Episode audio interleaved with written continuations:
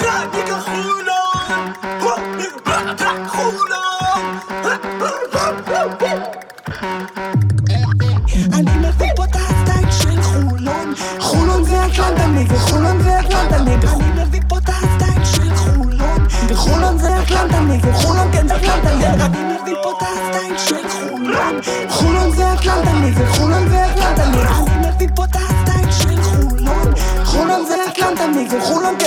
כן יום רביעי, שלושה במאי 23, פודקאסט הכל סגול בפרק 53.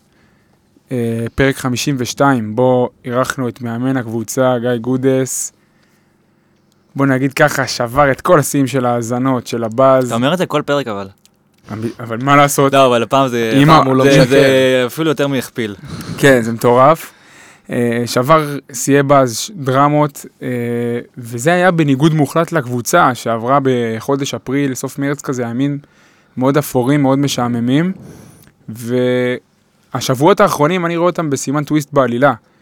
רצף של מספר אירועים אה, מאוד מעניינים, שהחזירו קצת באז, החזירו קצת תקוות והתרגשות סביב העונה הזאת שהיא לא התברכה בהרבה אנרגיות חיוביות.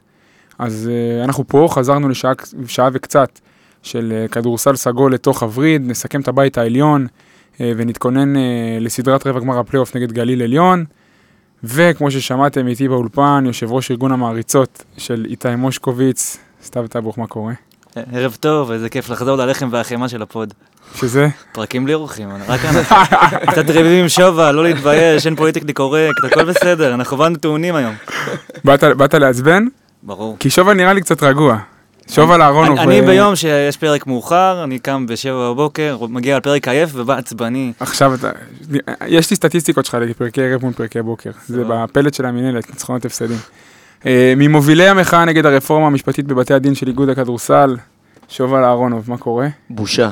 כן? לא, הכל בסדר, אני רק לא מבין איך אתה קובע פרק על השעה שיש לקבוצת כדורגל שלנו משחק בגביע המדינה. נכון. קבוצת כדורגל של המועדון, רועי קורא לה, אני לא יודע. מרשים, רועי, איזה הקרבה. אה, הקרבה יוצאת דופן. אילוצים של לוז וזה, והייתי חייב, אבל אה, הקלטתי את המשחק ואני אסיים וארוץ לראות אותו, ועכשיו גם קיבלנו דיווח שהמשחק נדחה רק רבע לתשע. פש, באו לקראתך. אז באו- לי בול. שלא יגידו שלא מתחשבים באוהדי חולון, אה, ונעזוב את הקטע הזה, למה הרבה אנשים לא סובלים שאני אדבר על זה. טוב, הרבה עבודה לפנינו, אה, אז יאללה, בואו נתחיל. אה, לגבי אקטואליה, התרחשויות האחרונות. קודם כל, אה, בסגמנט הראשון של הפרק הזה אנחנו נסכם את הבית העליון, אה, בית של חמישה משחקים שהולך להיגמר ביום שישי. ביום שישי הקבוצה תצפין לכפר בלום. המשחק הזה בעצם יהיה משחק חימום לקראת הסדרה. אה, בוא נראה מה החלק, אה, בוא נראה מה קרה בחלק האחרון של העונה הסדירה, ובכלל, אתה יודע, זה אחלה הזדמנות שלנו פה בפודקאסט אה, לסכם את העונה הסדירה הזאת של הקבוצה. אז קודם כל, אני רציתי לשים פרספקטיבה קצת על נתונים, ומאוד מעניין אותי, כי ראיתי אה, המון טענות, אה, לפני שניכנס לזה רגע, רק סיכום תוצאות של הבית העליון, מפסידים בעד אליהו למכבי תל אביב, מפסידים בארנה להפועל ירושלים 75-66, ניצחון בהערכה מרשים, משחק כיפי שתכף נדבר עליו, על הפועל תל אביב אצלנו בבית, ותבוסה יפה נתנו בראש לנס ציונה אה, בהיכל הטוטו. נגד נס ציונה שברנו העונה שלוש פעמים את רף 120 המדד הקבוצתי. שלוש פעמים. אה, זה מרשים נגד הגנה כל כך חזקה, זה כן. זה לא מובן מאליו. קבוצה ממושמעת אה, כן. טקטית. אני אגיד לך מה, כיף להם להיות ביחד. אני. אנחנו בדיוק בנקודת, בנקודה קריטית של העונה. למה? כי זה בדיוק לפני הישורת האחרונה, אנחנו לפני כניסה לפלייאוף. ואני מנסה לראות ולהבין, אני שומע הרבה פעמים אה, בימים האחרונים, בכל מיני פודקאסטים וגם קורא ברשת, על המגמה המעניינת שיש ב-NBA, של הניתוק בין העונה הסדירה לבין הפלייאוף. מה שקורה בעונה הסדירה ומי שטוב בעונה הסדירה, זה לא בהכרח מנבא לנו מה יהיה בפלייאוף. לדוגמה הכי קלאסית השנה זה ג'ימי באטלר ומילווקי. אה, שהוא נתן להם בראש והעיף אותם בסדרה ומילווקי מילווק- מילווקי בעונה הסדירה הייתה נראית כמו משהו בלתי עביר. אני לא אומר שזה אותו דבר, אבל אני מנסה לראות בשנים האחרונות איפה העונה הסדירה יכלה ללמד אותנו יותר על מה שהולך להיות בפלייאוף ואיפה פחות. אז הסתכלתי על כמה נתונים כלליים של עונות סדירות, כדי באמת רוצה, רוצים לתת ציון לעונה הסדירה הזאת של הפועל חולון. אז קודם כל, כרגע אנחנו במאזן 10-6, 16-10, חיובי, ועוד משחק אחד בקנה נגד אה, גליל בחוץ. אה, שנה שעברה סיימנו באותו מאזן. כאילו, אם אנחנו הולכים להפסיד בג- בגליל העליון, סיימנו, אה, נהיה 11-16, וגם שנה שעברה סיימנו בדיוק באותו מאזן, 59% אחוזי הצלחה. למה אתה כל כך סקפטי אבל? לא, אני אומר, אם נפסיד, אם ננצח, אנחנו נשתפר משנה שעברה ברמת המאזן. בעונה של סטף אה, היו 29 משחקים בליגה, סיימנו 19-10, מקום שני בליגה עם 65 אחוז, אחוזי הצלחה. עונת 18-19, אני לא, מתעלם מעונת הקורונה ברשותכם. העונה של אה, קורי וולדן MVP עם דן שמיר, זה העונה הכי מוצלחת. העונה הסדירה הכי מוצלחת בתולדות אה. הפועל חולון עם עשרה, עם תשעה הפסדים בלבד. אני יכול להשבית לך את השמחה? נו, אה, היה בית עליון בית תחתון או סיבוב שלישי? היה סיבוב שלישי, אבל מה זה קשור? אתה נפגש עם קבוצות פחות חזקות ואז זה משפר לך את האחוזים. כן, אבל זה, זה משהו ש... זה, זה סטיית כן, תקן, זה כאן- לא איזה משהו... הטעיה, זה לא... אבל לא, זה לא משהו קריטי, כי אתה לא יודע, כי אני, כן, אפשר כן. לפתוח את הלו"ז, אולי גם, גם בסיבוב השלישי נפגשנו עם, ה, עם ה top אה, לא. ברור שנפגשת עם ה top, אבל אז- ב- בראייה אז זה הכוללת, ברמת משחק 2, וזה- אוקיי. זה ברמת משחק 2, זה לא משהו שישנה את הכל. ובעונה של גלן רייס עם הגביע, 66 אחוזי הצלחה, מאזן 22-11 וגם מקום שני, מקום שני. אז אנחנו רואים איזושהי, אה, איזה שהם נתונים בעונה הסדירה ברמת אה, אחוזי הצלחה, שהם לא חורגים מהשנים האחרונות, אה, במיוחד לא לעומת שנה שעברה ולעומת השנה של דדס. נכון שהיו קצת שינויים בשיטה, אבל התפיסה הזאת של העונה הסדירה בליגה, לדעתי, היא עונה סדירה שאפשר לתאר אותה כיחסית מוצלחת. במיוחד לאור עוצמת היריבות. למשל, אתה יודע משהו, טאבוך? 59% הצלחה עם, בעונה שעברה, עם המכבי תל אביב, הפועל ירושלים, הפועל תל אביב של השנה שעברה, זה הרבה פחות טוב נכון. מ- ממה, ש, ממה שיש השנה.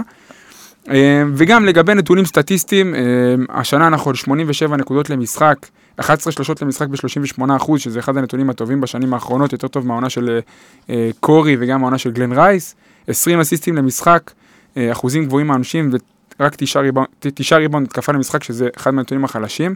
אז עוד פעם, אנחנו לא רואים שיש בעונה הסדירה הזאת איזה שהם, רק, איזושהי רכבת הרים, היא לא כזאת ברמת התוצאות בשטח, מספרית, גם ברמת ההופעות הקבוצתיות וגם ברמת ההישגים, עונה, סבירה, עונה סדירה טובה לגמרי, במיוחד, כמו שאמרתי, בהתחשב ברמת היריבות, ואם אני מסתכל על רמת היריבות, טבלה פנימית של הפועל ירושלים, מכבי תל אביב והפועל תל אביב, הפועל חולון במאזן 3-6 שלילי. אה, ניצחנו את הפועל ירושלים פעם אחת, את הפועל תל אביב פעמיים, והפסדנו שלוש פעמים למכבי תל אביב. אז זה, זה ברמה היבשה. אני רק רוצה תחושה שלכם מסיום העונה הסדירה. מה, מה, מה, מה אתם הרגשתם? קודם כל, זה, זה נורא הזכיר לי הניתוח שלך, אה, פאנל של הפטריוטים מנתח את אה, תוצאות הממשלה. למה? אה, ת, ת, תבין לבד. רגע, אתה רואה ערוץ 14 טאבוך? חלילה, חלילה. ואם אם נתייחס למגמות חיוביות מניצחונות הבית של הפועל תל אביב, מניצחונות הבית האחרונים נגד הפועל תל אביב ונס ציונה, אני חושב שקודם כל נתייחס בעיקר להפועל תל אביב. אה, והמגמה החיובית הראשונה היא כמובן סי.ג'יי אריס, שסוף סוף ראינו אה, תצוגה שלו שהזכירה את הקדנציה הקודמת שלו בקבוצה. הוא לקח יותר אחריות, הלך לטבעת לשם שינוי, לקח יותר זריקות, סחט עבירות, הגיע 12 פעמים לקו, ויותר חשוב מהכל, הוא טעה. הוא עשה טעויות. מפריע לי... היה שם עיבוד על החצי.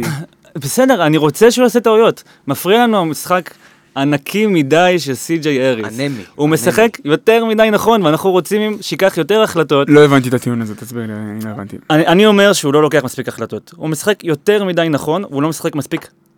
אה, אינסטינקטיבית? אינסטינקטיבי, הוא לא יוצא רע, מה- הוא לא יוצא, הוא הוא לא לא יוצא מהשבלונה, מהשטף ההתקפי, בדיוק. מהשבלונה הוא לא יוצא. מהשבלונה שלו, וזה שחקן שבתפקיד שלו כיום בקבוצה, צריך לקחת הרבה יותר החלטות, וכשאתה לוקח, לוקח הרבה יותר החלטות, גם אתה עושה הרבה יותר טעויות. אה, וברגע שאני רואה אותו גם מאבד כדורים מדי פעם, אני מבין שהוא יוצר יותר, היו לו וזה... ארבעה עיבודים. במקרה, זה נדיר מאוד להגיד את זה לשחקן, אבל ברגע שהוא קודם כל זורק ו- ומחטיא, אז אני אומר, אוקיי, סוף סוף הוא זורק, הוא קרוב ל-50% משלוש העונה, זה, זה לא תקין ל- ב- ביחס לכמות זריקות שהוא לוקח. כאילו, שהיא- אתה אומר יש פער בין הביטחון שלו על הפרקט לבין הוא המספרים לא, שלו. הוא לא לוקח על עצמו מספיק. וכמובן, אם אתם זוכרים, עלינו לטלגרם, סי.ג'יי אריס הולך לתחרות שלשות, וכולם ירדו עליו, אמרו, מה, זה, נכון. מה זה, מה זה? ובסוף הוא לקח בסוף הוא. לקח את השלשות. ואז פתאום אני חושב שגם אצל הרבה אוהדים נפלה ההבנה הזאתי, בואנה, הבן אדם לא זורק. בליגה הוא היה אז קצת יותר מ-40% לשלוש, והוא לא זורק, והגיע הזמן שהוא ייקח יותר על עצמו. נגד הפועל תל אביב ראינו את זה, נגד נס ציונה פחות, נראה לי, הייתה לו איזה פציעה נראה לי. אני לא יודע אם זה פציעה. ראית אותו זה- אני מקווה שזה לא משהו רציני. אני אגיד לך משהו, מה שהיה בהפועל תל אביב, שראינו, כי כי כליאה יציבה מבחוץ הייתה- היה לו כל העונה. גם במשחקים שהוא היה גרוע בהם. החדירה. נכון. חדירה. הוא לקח ב possession אחד האחרונים, לקח את טוקוטו לטבעת, וחדר. אתה חושב שהוא זורק מספיק שלשות? אני חושב שהשלשות, במיוחד ב... ב... אנחנו הסתכלנו גם בנתונים דאז, אני לא, לא בדקנו את זה עכשיו. הוא פחות catch and shooter, הרי נכון, הוא צריך את הכדור ביד. אני חושב שבלי החדירה, גם האחוזים שלו מבחוץ ירדו. למה? כי יהיה הרבה יותר קל לסגור אותו. ברגע שאתה פחות איום חדירה, נכון. הרבה, הרבה יותר קל לסגור אותך. ואני חושב שאם הוא לא, כמו ש... אתה יודע מה, אני אלך עם, עם, עם ה vision של טאבוך. תטעה, תחדור, תחטוף את ה shot block. תחדור, תח... שיעצרו אותך באמצע ותרים pull up אה, לא, הוא, קשה. ח... הוא חייב להיות. הוא לא יודע חודר מספיק, ונגד. הפועל תל אביב, מה שהיה הסימן קריאה במשחק של סי.ג'יי זה שראינו כמה possessionים חשובים שהוא לוקח כדור עד הטבעת, כאילו אנחנו ב-2020. זה אני רוצה לחזק אותך. אתה יודע כמה זריקות עונשין הוא זרק נגד אה, הפועל תל אביב? הזכרתי, 12. 12 זריקות, עונשתי, ש... זריקות עונשין, כלה 11 מהם, וזה אומר בדיוק את מה שאתה אומר. כשהוא חודר לטבעת, זה יסתיים או בעבירה, שם זה, אנחנו יודעים שיש לו אחוזים טובים, והוא עשה את זה בצורה נהדרת באותו משחק, או בשתי נקודות, וגם את זה הוא חדר וסיים בטבעת ועשה באמת דברים טובים. ולא, אני חושב שאף אחד לא חשב שאחרי הפציעה של סי.ג'יי נקבל את הגרסה הזו שראינו העונה, מאחרי הפציעה, שהייתה אנמית, הרבה משחקים... לא, היה איזה היו- חשש. היו- היה- חששות, היה חשש. אבל- היו, היה חששות, אבל אני חושב שזה באמת היה, עלה קצת מעל החששות, גם בואו לדעתי. בוא נשים את אה, המסגרת, שהוא חזר אחרי אה, שלושה או ארבעה משחקים שהוא ישב בחוץ, ראה את מני אריס מסריח את הפרקט. זה גם נכון. זה. גם נכון. אה. אבל הוא ידע לצאת מזה, גם היה לו רעיון יפה לפני המשחק עם פופי, שהוא הסביר כמה, את את הרמה המנטלית שאתה צריך להגיע למשחק הזה, ובמובן הזה הוא מקצוען לכל דבר, אין ספק בזה, כולם ידעו את זה. זה נכון. עוד משהו, אה, דברים שראית. בטח, בטח. אה, אני חושב שכדאי לדבר על המשך התנופה של שון דאוסון. אה, סתם שאלה, כמה פעמים בתקופה האחרונה, בחודשים האחרונים, יצא לכם להגיד, זה המשחק הכי טוב של שון דאוסון מאז שהוא הגיע לחולון. הרבה פעמים, גם אני רשמתי משהו טוב. רשמת משהו כזה? כן. יצא לנו להגיד כבר הרבה פעמים, שזה המשחק הכי טוב של שון דאוסון, ואז עוד פעם להגיד את זה, ועוד פעם להגיד את זה, וזה רק מראה את זה שהוא יודע אה, להתעלות אה, בתקופה האחרונה ממשחק למשחק. נראה שהשיתוף פעולה שלו עם ג'ו אה, הגיע לשיא המימוש והפוטנציאל, והתפקיד שלו בקבוצה סוף סוף מוגדר, ברור, הוא אפשר להגיד, אה, מצא את מקומו. ואני רוצה אה, להמשיך רגע, אני רואה שאתה מצביע, שובל, אבל אה, השינוי קרה אחרי שפרדי בורדיון אה, נפצע, והבאתי את הנתונים לא שלו. מהליגה, זה, מספרית זה נכון.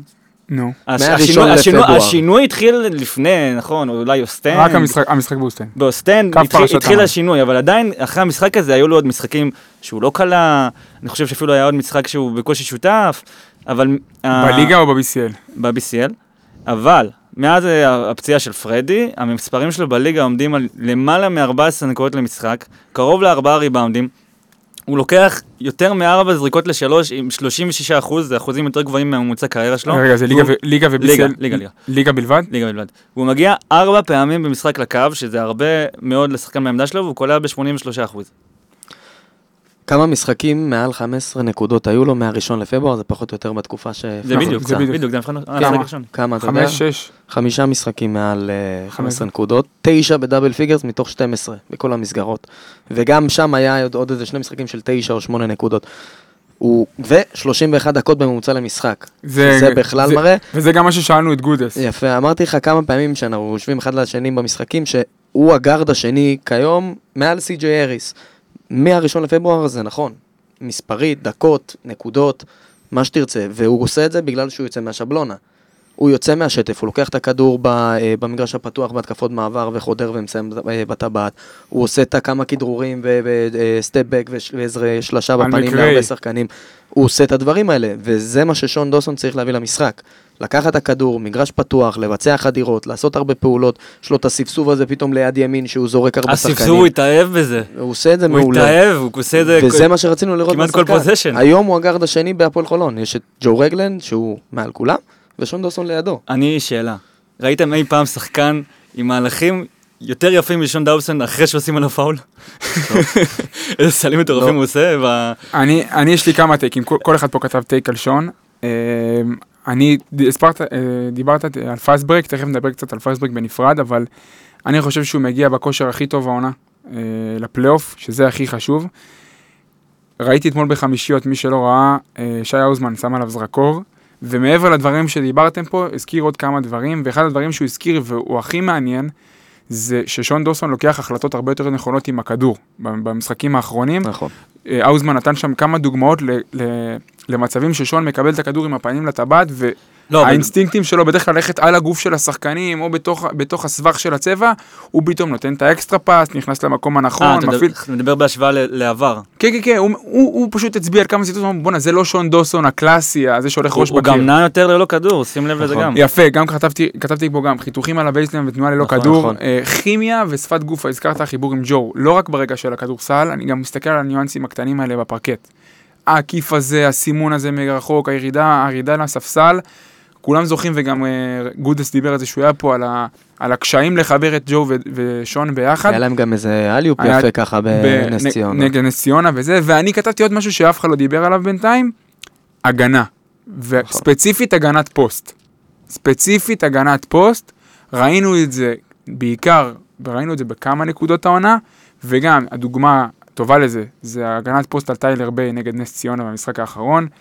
הגנת פוסט של שון דוסון, אני, לא יודע, אני לא זוכר כאילו שנים אחורה, לפני בדלונה, ראשון לציון או דברים כאלה, אבל אני לא זכרתי את שון דוסון שומר ככה בפוסט ברמת האגרסיביות, הוא לא מתפתה ל fake shotים, שומר גם את ה baseline, נכון, הוא אוכל, הוא אוכל פעם, פעמיים במשחק סלים ככה בהגנת פוסט, אבל ההגנת פוסט שלו הרבה יותר טובה ממה שח, שחשבתי, וזה כלי לשחקן שאתה יכול לשחק איתו בעמדה שלוש, ואתה אומר שגם אם אתה מעביר אותו לארבע, בהגנה אתה לא אוכל שם בעיות אה, הגנתיות על העמדה שלו, אז מגמה שלילית שכן כתבתי לגבי דוסון זה שלפני הבית העליון, לפני משחקי הבית העליון הוא עמד על אחוזי השלוש הכי גבוהים שלו בקריירה בליגה, כמעט 37 אחוזים היו אז, בבית העליון הוא- הוא קולע ב-28 אחוז לשלוש, כן. אבל היה את המשחק נגד נס ציונה עם לא, אפס כן, זה לא, לא מדגם, זה לא מדגם שיגרום לנו עכשיו להסיק מסקנות מטורפות, אבל זה מגמת ירידה, אה, וזה צריך לשים בקונטקסט הזה. אה, וזהו, עוד משהו שלכם, לפני כן, שנתקדם כן, שאלות, כן, כן, דבר. לי יש אה, משהו קטן רגע, אני חותך אותך. את הכבוד. חותך אותך. דיברנו על שון, דיברנו על סי.ג'יי, מה עם ג'ו? דבר איתי על ג'ו. מה היה בהפועל בסוף בדקות האחרונות? אפשר לנצח משחקים. בלי משחק, אז- משחקים גדולים בלי משחק גדול של קודם ג'ו. כל יש זה ניצחון גדול ראשון שלנו מאז הפועל ירושלים במחזור פתיחה, העונה, אפשר נכון? בבית. בבית, וניצחנו גם את הפועל נכון. בחוץ. בבית, נכון, אני קיבלתי. מופתע שרוי לא אמר או סטנד או משהו כזה.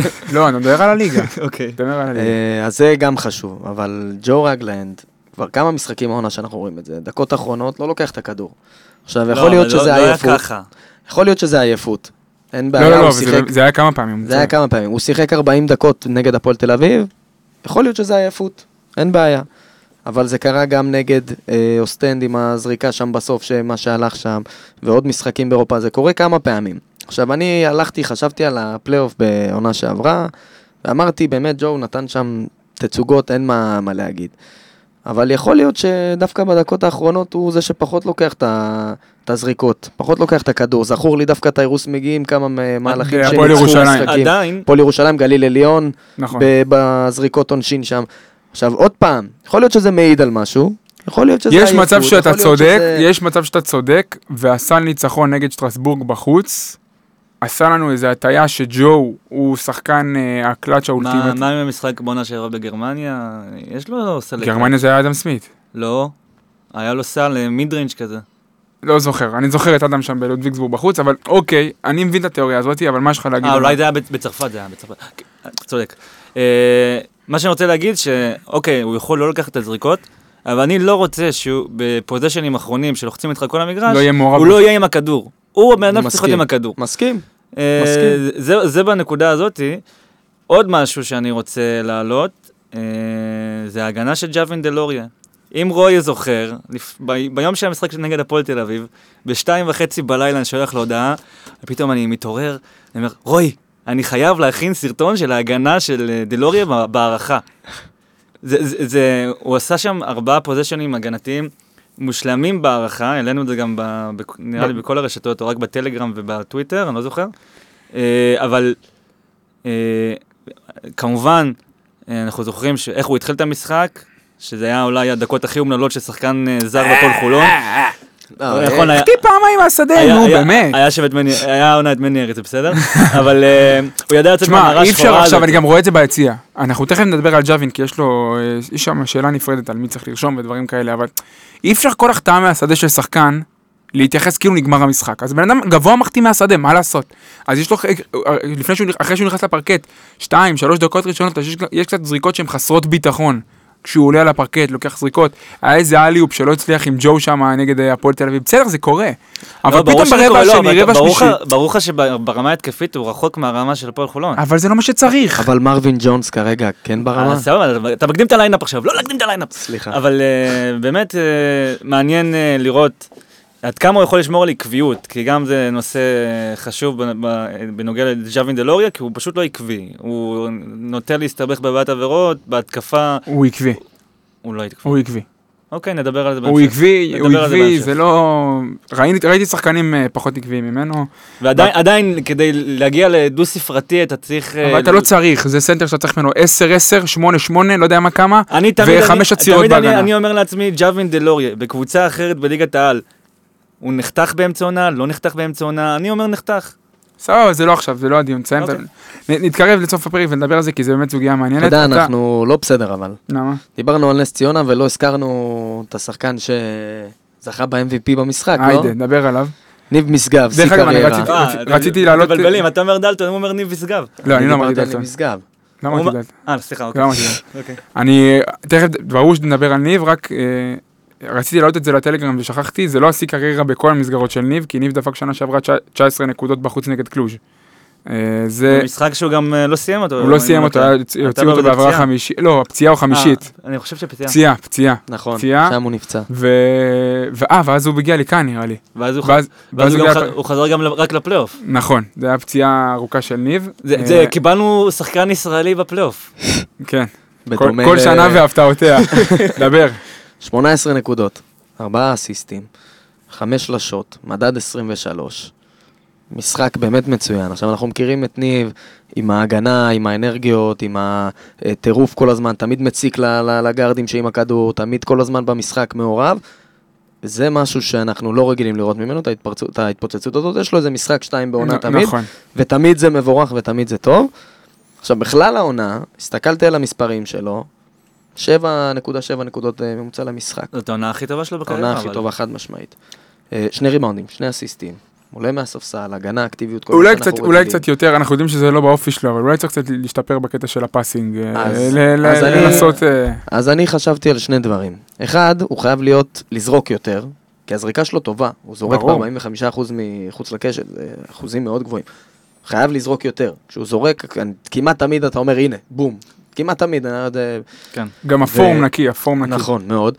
והוא עושה את זה כמה פעמים העונה, חצי חדירה ופלוטר כזה נכון. או איזה זה. גם את אלה, אם הוא יעשה פעם, פעמיים במשחק, בסדר גמור. אבל הוא לא לוקח על עצמו דברים שהתקפה לא. לא נותנת. לא. אז אולי זה משהו שהוא כן צריך לשנות באטיטיוד שלו, והשאלה אם אתה רוצה את ניב משגב בסגל שלך בתור שחקן שעושה דברים בניגוד לשטף של התקפה, פתאום לוקח כדור, עושה חצי חדירה ונכנס באמצע תרגיל או משהו, שאלה טובה. נכון להיום, אתה צריך אותו, שיקלע את השמונה, תשע נקודות למשחק, אתה חייב. כשהוא עולה מהספסל. אה, שאלה אם זה גם יהיה ככה מה בעונה הבאה. בוא נגיד ככה, אם בעונה שעברה הייתי עסוק בהשוואות בין ניב משגב לגיל בני, היום אין לי את ההשוואות האלה יותר, וזה סימן קריאה די ברור, את הקפיצה שהוא עשה, כי גיל בני הוא שחקן לא רע, אבל הקפיצה ההתקפית שניב משגב עשה, והכלייה שלו מחוץ לקשת, נכון. כמובן שאתה מוסיף לזה את ההגנה, שאומנם אולי יש שיגידו שפחות טובה משל גיל בני, אבל היא הגנה מעולה לכל הדעות, אז אני חושב ש... אני מקווה מאוד שהוא ימשיך, לפ- ימשיך פה עוד הרבה שנים. זה התקרה שתי- או שהוא יכול לעשות עוד איזה קפיצה? אה, אני חושב שהוא די קרוב לתקרה, יכול להיות הוא יכול לעשות עוד קפיצה. מצד שני, אתה יודע כמה פעמים עליו- אמרו עליו בקריירה שהוא קרוב לתקרה שלו? זה נכון. אה, כן, אבל אתה יודע, אני לא בסוף יודע. זה פונקציה של גיל גם. נכון, נכון. שתי שאלות לגבי ניב משגב, אנחנו מסתכלים על הפלייאוף, דברים שחשוב לשאול, אחד, ספסל חמישייה, ושתיים, דברו איתי קו אחורי, ציוותים. מה, איזה ציוותים הם הכי אופטימליים בקו האחורי, לצד מי הוא יותר מתאים לשחק? האם לעלות בחמישייה עם ג'ו, או לעלות מהספסל, לשחק לצד סי.ג'יי, באיזה דקות הכי נכון שגיא גודס ישים אותו על המגרש? וואו, שאלה קשה, לא באתי לזה מוכן. אני, הכנתי איזה משהו, אבל... כן, דבר, דבר. חשבתי על כמה דברים. אה, בעונה שעברה היה לנו את האזורית בהגנה בפלייאוף, אזורית שהייתה לוחצת בערך מהחצי, אה, ושם הוא יכול להיות מדהים, אם זה לצד ג'ו, שישחק, אני מניח, את רוב הדקות. אה, גם לצד סי.ג'י, אבל אם הוא עולה בחמישייה, כשאתה רוצה ללחוץ את הכדור, כשאתה רוצה ללחוץ את הגרדים של היריבה, זה בוודאות הבן אדם שלך. אה, ואם השיטת משחק תהיה שונה, ונחליט שלא לוחצים את הכדור ויהיו דברים אחרים שירצו לעשות, אז מהספסל כאיזה ספארט פלאג שיכול להתפוצץ פתאום ולהדליק את האווירה, בטח באולם שלנו, שאנחנו יודעים שכל חטיפה שלו, כל איזה זה- משהו שהוא עושה, זה כולם נדלקים. זה שני, זה שני הדברים שאני אני רואה. אסביר לך למה אני שואל את זה. כי תכף נדבר גם על ארצי. ארצי מגיע, וההגעה של ארצי בצורה טבעית, טבוך, דוחפת את דוסון מעמדה שלוש וחצי לעמדה שתיים וחצי כזה, כן. מבחינת החלוקת נכון. דקות. אוקיי, זה אומר שאנחנו לא נהיה מופתעים אם נראה את שון דוסון משחק בפלייאוף בכמה דקות בעמדה שתיים, כי יש לך את קריס בשלוש, ויש לך את ארצי בשלוש, ויש לך את פרדי שצריך לקבל דקות באזורים האלה, ואיידן בארבע, וגבוה, ואיידן קצת יזוז לחמש, נהיה לי קצת עומס בשלוש-ארבע, אין, הביאו יותר מדי שחקנים העונה. פתאום נהיה עומס בשלוש-ארבע, וההיגיון אומר שיכול מאוד להיות שנראה את שון דוסון נותן דקות בעמדה שתיים, ואז מה הציוות האופטימלי? האם שון דוסון צריך לעלות בחמישייה עם ג'ו, וניב לעלות מהספסל עם סי.ג'יי? אני אגיד לך מה אני חושב. מי, כתבתי את זה גם היום בקבוצה, וכמובן שאף אחד לא ענה לי. איזה שחקן, אני אפנה את זה ישר לטאבוך, איזה שחקן יותר אפקטיבי off ball? סי.ג'יי או ג'ו? סי.ג'יי. סי.ג'יי יותר אפקטיבי ב off, ג'ו שחקן off the ball מזעזע. בהגנה או בהתקפה? הוא לא אני זז, מדבר בהתקפה. הוא לא זז. הוא אז- off the ball, אין שום קשר אה, למשחק בכלל. הבנתי. אז... זה- אה, לא בגלל שסי.ג'יי טוב, זה בגלל שג'ו off the ball פשוט אה, סבבה, אז הוא מעופף, הוא לא- לא הולך אז- על אז המגרש, לא אז יודע. בוא, בוא נעשה חלוקה. ניב, שחקן off ball, שחקן off the ball טוב. סבבה, סי.ג'יי, ואמרנו ג'ו גרוע, סי.ג'יי, סי.ג'יי לא טוב. וגם, שון לא טוב. לא, שון off the ball בסדר. שמע, זה לא- התפקיד של שון הוא לא להיות מוביל כדור. אז כמובן שהוא משחק off the ball. הבנתי. אז מה הציוות הכי נורמלי מבחינתך? אני כתבתי ש... זה זה מאוד מורכב, כי אני אגיד לך מה. זו שאלה שצריך לתת לה זה- תשובה זה חד שאלה משמעית. שאתה משחק, אני חושב שקודם כל חמישייה זה מה שאתה יכול לשחק איתו תוך כדי סדרה.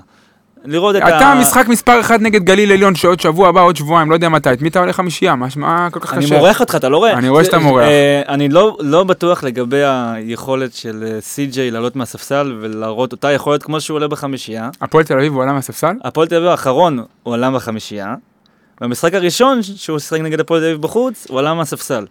ככה שאתה, אתה- קשה לך גם להצביע פה על איזה מגמה, אבל נניח נגד נס ציונה, אחרי המשחק הטוב שלו שהוא נגד הפועל תל אביב, הוא עלה. מהספסל ולא היה טוב.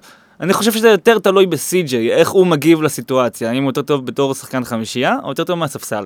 זה גם משהו שלדעתי צריך להפנות את השאלה הזאת אליו, מה הוא מעדיף לעשות, באמת לתת לו קצת יותר אחריות. הבנתי. אמ, אז זה לגבי זה, אף אחד פה מכל המלומדים לא נתן לי תשובה חד משמעית, אני חושב שהציוות בין אה, ניב לג'ו הוא ציוות מעולה. ו- מבחינת ההתאמה, זה נ- כן. זה ניב כן. וג'ו צריכים לעלות ניב- חמישייה, עם, אה, עם, אה, ש- עם- אפילו עם, עם אה, ארצי וקריס בשלוש ארבע, זה לא משהו שהייתי פוסל אותו, וגבוה. מה עם אה, איידן? איידן יכול לעלות מהספסל, אה, אוקיי. זה בסדר גמור. אה, אתה לא כועס אם הוא עולה מהספסל רועי? לא, אני חושב שהוא יכול לתת את המספרים שלו, אני גם, אני גם, איידן דלטון הוא רכבת הרים אחת גדולה בדבר הזה, רק סגירה, closure על ניב, שנה שעבר בפלייאוף, שמונה משחקים, 12 וחצי דקות, 4.3 נקודות ב-43 אחוז לשלוש ו-1.4 אסיסטים. אה, זה לגבי ניב, הקדשנו לו יופי של אה, זמן, מגיע לו, הוא בעונה נפלאה. גם עופר שלח אמר את זה נגד נס ציונה, הוא אה, הרבה יקום ויפול עליו בגלל שיש לנו שני גארדים זרים בלבד בקטע הזה, אבל גם מה, שנה אתה. הולך הביתה ורואה שידור חוזר? הוא רואה כן. שידור חוזר חד משמעית. כן, ברור שאני הוא רואה. שולח לי הודעות תוך כדי. איזה משוגע. טוב, מסקנות קצת שאני ראיתי ב- בדברים האלה קפצו לי והלכתי לבדוק אה, ברמת הכדורסל. הדבר שהכי אני, אני קפץ לי מאז שגיא גודיס התראיין פה, וניסינו להבין את ה-DNA שלו בתור מאמן, ואחד הדברים שהוא תמיד אמר, אין לי DNA, אל תנסו לאפיין, כל מיני דברים כאלה, אבל הדבר היחיד שהוא כן אמר ברמת שורה תחתונה, זה שהוא מאמן שאוהב התקפות מהירות, התקפות מעבר, שהזריקות יילקחו בזמן קצר של ההתקפה, ואפילו אמר את המשפט שיושב לי בראש, אם יש לך זריקה טובה לקחת תוך שלוש שניות, אף אחד לא יבטיח לך שתוך 15 שניות תהיה לך זריקה יותר טובה. נכון. אה, זה משהו שהוא אמר. ואני רציתי לבדוק את הפועל חולון בהתקפות המעבר. המסקנה שאני בעולם הנתונים, הפועל חולון העונה בליגה מייצרת 1.14 נקודות לפוזיישן אה, מהתקפות מעבר, מקום שלישי בליגה אחרי מכבי תל אביב והרצליה, אבל מבחינת כמות הפוזיישנים, היא המקום אחד לפני האחרון בליגה. אנחנו יודעים את זה שג'ו רגלנד וסי.ג'יי האריס במיוחד הם לא שחקנים של fast break. הם לא שחקנים שיטוסו, ובקטע הזה ג'ו וסי.ג'י מנוגדים ל-DNA של המאמן שלהם. הם uh, שחקנים מאוד ריכוזיים, ג'ו אוהב להוביל את הכדור לאט, דרך האמצע, לקבל את ההחלטות, גם סי.ג'יי האריס, זכור לנו גם העונה של דדאס uh, שובל, שגם דדס עצמו לא היה אוהב התקפות מהירות, הוא מאוד אוהב שליטה בקצב, וסי.ג'י בעצמו התאים לזה בול. נכון. אני רואה במשחקים האחרונים, אה, נגד אה, הפועל תל אביב הפועל חולון ניצחה 18 נקודות במעבר, ונגד נס ציונה 13 נקודות במעבר, 15 וחצי בממוצע בשני המשחקים האלה. וגם, אתה יודע למה זה יושב לי בראש בתור אוהד יציע? כי אני פתאום רואה את ההתקפות היפות האלה, שהכדור רץ מהר, או ששון לוקח כדור במעבר ומסיים בטבעת, או שההתקפה הזאת שהעלו באינסטגרם, שג'ו עם החיוך. שג'ו העביר, העביר דרך מאחורי הגב, רונלדו השמן. אז כל מיני דברים כאלה, ואז אני מסתכל על הרוסטר טאבוך, ואני אומר בואנה, להפועל חולון הנוכחית, במיוחד עם ההצטרפות של נתנאל ארצי, יש הרבה מאוד כלים למשחק המעבר, אם זה שון דוסון, אם זה דלטון בתור גבוה מובילי, שאף את המגרש מהר, אם זה קריס שאוהב לעשות את ההתקפות אופסייד האלה, שהוא רץ מהר ומקבל את הכדור לד... לדנק, אה, ארצי וגם, וגם עוד שחקנים, אז אני אומר, הפועל חולון הזאת בסגל, יש לה הרבה כלים לנצל משחק מעבר, אבל זה משהו שפחות קורה מה, מהאופי של הגארדים. אם הקבוצה והמאמן ישכילו לנסות אפילו בכוח ל- ל- לדחוף לדבר הזה, אני חושב שבפלייאוף יהיה לנו הרבה מה להרוויח מזה, כי הבעיות במשח... בהתקפה העומדת, במיוחד עם מרווין שהוא חלש, וג'אבין שהוא פחות מתפקד טוב ב pick and roll עם uh, ג'ו רגלנד, שזה הרוב ההתקפה עומדת, עומדת על זה, אז בהינתן קשיים בהתקפה העומדת והיכולות האלה בסגל להביא נקודות מפייסברק, יודעים, פשוט לא מנצלים את זה, אני חושב שזה קטע שאני מאוד קפץ לי בשני המשחקים האחרונים. נגד הפועל ירושלים זה פחות עבד, כי אף אחד אה, לא מצליח לייצר נקודות נגד הפועל ירושלים. אה, וזהו, אז זה, זה לגבי הבית העליון. עוד משהו שתרצו להגיד? נגד מכבי תל אביב היה קשה מאוד במשחק החוץ, גם נגד הפועל ירושלים בארנה. עוד פעם, אני חושב שאנחנו באווירה טובה פה באולפן, כי אנחנו מרגישים שיש פה צבר של התרחשויות, גם שני משחקים טובים, גם תכף נדבר על הדברים ברמת הסגל, שהפועל חולון, ואנחנו מתקדמים לנושא הבא, הפועל חולון ברמת הסגל, טפו טפו טפו בלי עין הרע. שלא יגידו לי שאני פותח פה עין. הסגל ש-. הסגל של הפועל חולון מגיע בצורה הכי טובה שהייתה כל העונה, בזמן הכי חשוב. אנחנו בתחילת מאי, והרוסטר של הפועל חולון מתפקד ונראה הכי טוב. אני לא אגיד לך שהמשחק הקבוצתי עכשיו הוא מושלם, ואני לא אגיד לך שאין בעיות בהגנה, כי בעיות בהגנה אישית יש פה כל העונה וגם לא, לא נפתרו, אבל פתאום אתה רואה שיש לך פה, במיוחד במשחק נגד נס ציונה, יש לך שמונה שחקנים שתורמים. פתאום פרדי בורדיון דפק ארבע שלושות נגד נס ציונה, נ- ניב משגב אמרת שיא קריירה, אתה מקבל באזור 40-50 נקודות מהישראלים שלך עוד לפני הישראלי החדש, הסגל הוא במצב טוב כרגע, ובואו נדבר על השינויים שהיו בזמן האחרון, שבאמת הביאו את הסגל למצב הזה. אז קודם כל, אה, נתנאל ארצי, בואו נדבר על זה, כי זה הנושא הכי חם עכשיו, וזה הדבר שהוא הכי, הכי מעניין לדבר עליו לדעתי.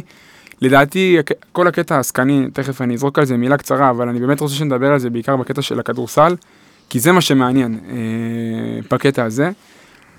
המהלך של ארצי, אה, המהלך של ארצי, לפני שנדבר על הקטע התקנוני משפטי, ואני באמת לא רוצה להרחיב על זה, אבל ברמת המהלך כמועדון, זה החזיר אותנו אחורה.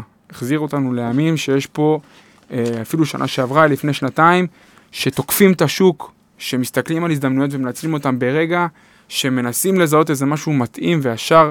אה, זה, זה לא היה באוויר, אף אחד לא חשב על זה, זה איזשהו משהו יצירתי שעלה, תכף נראה אם זה יצירתי טוב או לא טוב ברמת החוק, אבל סבבה, זה לא, זה לא המקום שלנו גם להכריע, אבל ברמת המהלך עצמו, ברמת ה... אין, כאילו באמת, שיחוק. שיחוק, אין דברים, כאילו, אין, אין מילה אחרת להשתמש בזה בקטע של. התעוזה הזאת לבוא בסוף העונה ולהגיד טוויסט בעלילה, אני לא מוותר על העונה הזאת, אני בא ומנסה לעשות איזשהו מהלך חכם, שינסה לתת לי עוד איזה בוסט בפלייאוף, כי נכון, אף אחד פה שיושב בפאנל, ואני מניח שגם האנשים בהנהלה לא חושבים שהעונה הזאת, שיש סיכוי גבוה שהעונה הזאת תסתיים בצלחת. אנחנו יודעים איפה אנחנו נמצאים, נמצאים את המקום. מצד שני, מצד שני, גם שנה שעברה לא אמרנו את זה, סבבה? ומעבר לצלחת או לא צלחת, יש פה מועדון. יש פה מותג, יש פה, יש פה ארגון שאסור, שחייב בפלייאוף לתת את התצוגה הכי טובה שיש, כדי להוכיח שאנחנו באמת שייכים לארבע הגדולות אחרי עונה שברמה מקצועית היינו די רחוקים משם. אז בגלל זה המהלך של ארצי ברמת, ה, ברמת הארגון הוא מהלך שמגיע חטא חטא למי שהגה אותו, יזם אותו. מה רציתי להגיד משהו? תן לי לשאול אותך שאלה כזאת, אמרת על צלחת. תיאורטית, או אנחנו עוברים את גליל עליון, אנחנו נפסיד כמובן, אבל תיאורטית נעבור. נו. אתה בחצי גמר מול מכבי תל אביב. אם אתה מגיע למשחק שלישי, והפסדת נגיד, אני חושב שכל... זה לא בסדר? לא, ברור. זה, זה בסדר גמור. עכשיו עוד פעם, ברור שאם נגיע למשחק שלישי, כולם ירצו לנצח, כולם בטירוף, כולם וזה, אבל כדי לעשות את ה next level הזה, להגיע לפחות לחצי גמר, שזה חובה מבחינתך, אם אתה מגדיר את עצמך בטופ 4 במדינה, אתה חייב כל שנה, או רק פעם באף פעם, לא להיות ב final זה four נכון. של, ה, של הליגה. אתה חייב לעשות חצי גמר. משם נתקדם, בטח כשיש לך הגרלה כביכול פחות טובה, אבל אתה חייב לעשות חצי גמר, והמהלך של ארצי מקדם אותך לשם. אז אה, תכף סטאבוך ידבר איתנו מקצועית, אבל אי אפשר להתעלם מהקטע שהיה שם ברמת ההחתמה, כי זה יהיה קצת, זה יהיה קצת חטא, כי זה חלק מהסיפור. אני... אתה רוצה להגיד משהו, העסקן הראשי? לא, אני רוצה- אני רוצה להקשיב לזה. זה- זה- זה הפן העסקני או הפן המשפטי? אני- ת- תקשיב, תגדיר אני לא בא לי- זה ב- גם המשפטי והעסקני זה אותו דבר. עובד אתה יודע, ביחד? כן. אוקיי. אני אגיד לך ברמה הזאת, המצב היה כזה, יש תקנון שהאמירה של התקנון היא יחסית ברורה, אוקיי? ומה שמתואר, אני מתבסס על מה שפורסם ב- בהחלטה של איגוד הכדורסל, של בית הדין של איגוד הכדורסל, בית הדין העליון. המינהלת מודיעה לקבוצות בכמה הזדמנויות, גם בעונה שעברה וגם בעונה הנוכחית, מודיעה להם על, על הסעיף בתקנון, ומשמיטה מתוך ההודעה שלה לקבוצות את ההחרגה הזאת שאומרת שהשחקנים שיכולים לעבור עד התאריך המסוים, הם לא יכולים להיות בתוך הליגה, אוקיי? מדברים על תאריך, מדברים על כמות זרים, כמות ישראלים, אבל לא אומרים שבתוך, אסור שזה יהיה ישראלי שנרשם בקבוצה אחרת לפני זה בליגה. וזה כתוב בתחנות. מדובר רק על הליגה הלאומית בעצם. בג- בג- בגדול ישראלי, אוקיי? אה, ובסופו של דבר הפועל אילת והפועל חולון, שזה מהלך משותף לשתיהן, מסתמכות על הדבר הזה ועושות את המהלך. כולנו זוכרים שהמינהלת בהתחלה, כולנו פתחנו שמפניות, חגגנו, ראינו גם אפילו פוסט במינהלת, ריטוויט, כל מיני דברים כאלה, גרפיקה של המינהלת, לא זוכר מה היה שם. זה סטודנט עשה. אה, כן, רק סטודנטים. ראינו את זה, ובסופו של דבר המ- המינהלת בדיעבד מגיעה ומודיעה להפועל חולון, כפי מה שעולה, שזה היה בניגוד לתקנון ולכללים. עכשיו, אני, ברמת הפועל חולון והפועל אילת, אנחנו צריכים להסתכל על זה בדבר הזה, ואני אגיד ככה, יש ליגה עם חוקים מסוימים. הליגה תמיד חייבת להיות הרבה יותר חזקה מהשחקנים בתוך הליגה. התפקיד של מנהלת הליגה זה להיות הגננת, להיות. הגוף שמתווה את הדרך, הגוף שמחזיק את הכל, ואני חושב שההסתמכות של הקבוצות על ההטיה של מנהלת הליגה זה באמת משהו שצריך לתת לו משקל. אולי זה לא, אני, אני פשוט לא, אולי זה לא מכריע את הכף לכאן או לכאן, אבל זה כן משהו שאי אפשר להתעלם ממנו. זה לא שחור או לבן, זה לא סקרין שוט מהתקנון של המנהלת, היי, אסור, אוקיי, סלמת. יש אנשים שיגידו שכן, אני חושב, דעתי, לעניות דעתי, אני חושב שלא. אז אני חושב שהמקרה הזה הוא לא מקרה שטוב לכל הליגה. אני חושב שלהעביר שחקנים בסוף אפריל זה אף פעם לא, אף פעם לא משהו שהוא אופטימלי, אבל ברגע שיש פה קבוצות שעבדו לפי איזושהי הנחיה של מנהלת והסתמכו עליה, אז הבעיה היא קודם כל במנהלת ומי שמפעיל. אגב, אני אה, ראיתי. החתמה אתמול בספרד. בסדר, כל ליגה והתקנונים שלה, זה גם לא סבבה. אה, ג'ו תומאסון עבר לגרנדה נכון, לפני יומיים. ג'וב תומאסון. עבר לגרנדה לפני יומיים, זה, זה לא משהו שהוא מגניב. אה, גם אה, ראינו שמועות על הקיל מיטשל שהולך לבולוניה. גם וגם ב- ב-NBA מחתימים שחקנים לא, יומיים בסדר. לפני הפלייאוף. מה פתאום? משלימים סגלים, יש השלמות של סגלים. מחתימים free agents, אני לא מדבר על טריידים. כן, כן. לא, זה לא. אני לא סגור לגבי התאריך, אבל כן, free agent זה כבר משהו פרי אחר. אייג'נס זה מחתימים, טריידים זה משהו אחר ברור, אבל אם יש שחקן שהוא חופשי, אני לא רואה עם זה בעיה. כן, אם הוא יש לא- תקנון הקטע ש- מסוים, הקטע הבעיה היא, לא חופשי. הבעיה היא שהמינהלת, מסתבר, לא באמת ידעה את התקנון של עצמה. גם אם היא מוציאה את זה בדיווחים שונים במהלך השנה, ו, אה, ורושמת דברים אחרים או דברים קרובים ולא מפרטת את זה, וגם אם כתוב בשחור על גבי לבן שזה התקנון שלה. אז- אז- ברגע שהם אישרו, אין מה לעשות, אתה לא יכול להודיע על משהו ואחרי ארבע שעות, אה, סליחה, שכחתי, אז, זה לא אז, עובד אז ככה. זה, זה בעיקרון הפאול של המנהלת, שבסוף גרם לבית הדין של האיגוד להגיד, אה, זה, זה מצדיק את ההעברה, וגם נתן את החלון ההעברות הקצר, שעד עכשיו אני רואה שאף אחד לא השתמשה בו. אני לא חושב שמישהו היה מתלונן אם הם מראש היו באים ואומרים, תשמעו, יש תקנון, אי אפשר, המהלך היה אני- מתפוצץ והכל בסדר. אני חושב שאתה צודק, וגם לגבי... אה, ו- אה? לא בטוח, אבל... אה, גם, גם, ל- לא היית? שומע על זה, זה לא היה קורה. מה אם? ברגע שהמעשה, ברגע שהמעשה נעשה, המעשה כבר קרה. אוקיי. ואז בדיעבד באים ואומרים לך זה הרבה יותר שונה, כי גם אנחנו מדברים פה על נתניה ארצי עצמו, שאנחנו בכלל לא מדברים עליו, אבל הוא הסתמך על זה יותר מהפועל חולון. כי יותר ממי שישחק אה, בעמדה 3 או 4 בפלייאוף, יש פה שחקן שעזב את הדירה שלו, ו- והסתמך על זה וכבר כמעט אה, נשאר אה, בין הכיסאות ונפל. אז זה ברמה הזאתי, ההחתמה הזאת עשתה הרבה רעש, אני חושב, ש... אני חושב שצריך לשים את זה כבר בצד, להתקדם מזה. היה פה משהו ש... גם המינהלת וגם איגוד הכדורסל, בית הדין, אני חושב שהיה צריך לנהל את זה טיפה יותר נכון, ברמת העוצמה של הגוף שמנהל את כל האירוע הזה ונותן את הגבולות הברורים, ולא נותן מקום למשחקים, כי תמיד בכל מקום, כל קבוצה יש לה את הזכות המלאה להגן על האינטרסים שלה ולעשות את הפעולות שלה שהם לטובתה. כל קבוצה. השאלה מה התפקיד של הגוף שמארגן את הכל. אה, בואו נתקדם, אה, דבר איתי כדורסל, ארצי עצמו, אה, האם זה בכלל, האם זה מתאים ברמת הכדורסל, או שזה מה שהיה ואנחנו מתפשרים. טוב, בואו בוא נשים רגע אה, תמונה כללית, אה, מסגרת כללית כזאתי. אה, הקבוצה הזאת, היה נדמה בתחילת הבית העליון, או אפילו עוד קצת לפני, שהיא איבדה אמונה בעצמה, והמהלך הזה אה, מוסיף עוד איזה אה, זיק של תקווה, או הצהרת כוונות, וזה כבר, בקונטקסט הזה, זה כבר אה, יתרון גדול. אה, מעבר לזה, ברמה המקצועית, כמובן הסגל התרחב, הרוטציה עכשיו עם תשעה שחקנים בכירים, זה משהו שלא ראינו כל העונה. אה, ארצי עצמו בעונה האחרונה, קודם כל מי שרוצה לראות תמונות שלו על קורנפלקס ודברים כאלה, יכול לראות את הטור שלי ב, בכל הרשתות, אבל אה, בעונה האחרונה הוא רשם בעצם את העונה האישית הכי טובה שלו בקריירה. הוא העמיד ממוצעים דו- דו- דו-ספרתיים, אה, למעלה מ-10 נקודות. הוא גם מייצר לאחרים אה, יותר משני אסיסטים למשחק. אה, שחקן שלוש של שלוש, אז אה, יכול להיות משם... יש מצב שזה משקר קצת, אתה יודע, אנחנו גם, גם התלהבתי, ראיתי דאבל פיק. מה, בגלל שהוא הישראלי הבכיר בקבוצה לא שהייתה ישראלי בכל בכיר, העונה במקום האחרון? עד שעונה- עד שמאוריציו הגיע לשם לא היה שם כלום. אני מסכים לא היה איתך. שם כלום. לא היה שם כלום. אה, אז אולי המספרים קצת משקרים ולבוא המספרים משקרים, אבל אני חושב שארצי הוכיח בשנים האחרונות שהוא שחקן שהוא הוא מעבר לעשר נקודות ושני אסיסטים. איזה עמדה הוא כי? הוא שלוש ארבע, מה זה 3-4? עוז בלייזר. הוא יכול לתת לך דקות בארבע? כמו עוז בלייזר. מה זה אומר? מי משחק לידו? מי נכון אז לשחק רוצה- בחמישייה? אתה רוצה תשובה בינארית? כן. כן, אני כן. צריך אוקיי, כן. תשובות. כן. סבבה, אז התשובה היא כן. אה, אבל. אני, כמו שאמרתי... תבוך אה, לא יזרוק את האוזניות, רועי. כמו שאמרתי, אז הוא נחשב לדבק הגנתי, זה, זה אולי היתרון הכי גדול שלו בקבוצה אה, כמו הפועל חולון, הוא יכול להחליף על כל העמדות, אה, הוא שחקן, דיברת off the ball, הוא שחקן off the ball, הוא יכול גם לחכות לקליעה והוא זורק שלוש-ארבע זריקות מ- מבחוץ למשחק. אה, סך הכל זה נראה כמו perfect fit, אתה אפילו צייצת על זה כמדומני. אני אני אני צייצתי על הקטע שתכף אולי שובל ייתן לזה take עליו, אבל לא, פחות בכדורסל. כי אני ראיתי, אני רואה שהקבוצה הזאת, הרבה פעמים העונה, מה שהיה חסר לה זה character. הרבה פעמים מה נכון. שחסר לעונה זה, זה, זה, זה, זה רוח, זה, זה אגרסיביות, זה הרצון הזה, זה, ה, זה ה, קצת רעב בסגל שהוא מאוד שבע.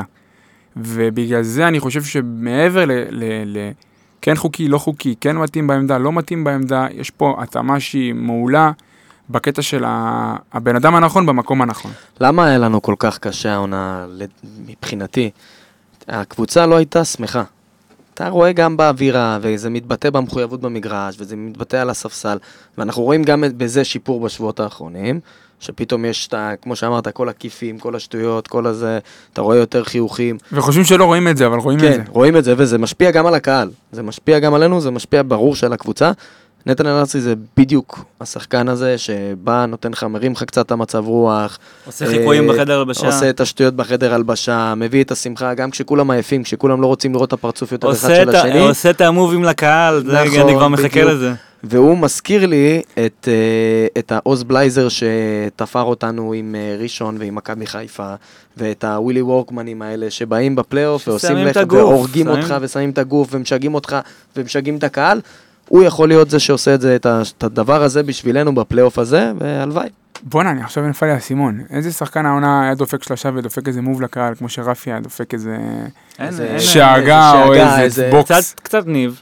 לא לקהל, לא. לקהל. שון, שון הוא, פשוט כמו יש לו. אה, שון, חושב שיש לו קצת פוזות של ה... זה של כרמלו אנטוני. כן, כזה, אבל זה- יותר פחות לקהל. מה-2K, מה-2K הוא ניב, אה. ניב כשהוא שמח הוא כמו לחגוג גול בכדורגל. זה- שנה שעברה- זה הז'אנר שלו. שנה שעברה כל שלושה של רפי זה היה כמעט אה, מכות, כאילו, היה כן. משתגע, מתחרפן. כן, לטוב ולרע. זה- זה היה מעיף את ה... זה. לגבי ארצי, אה, חמישייה ספסל?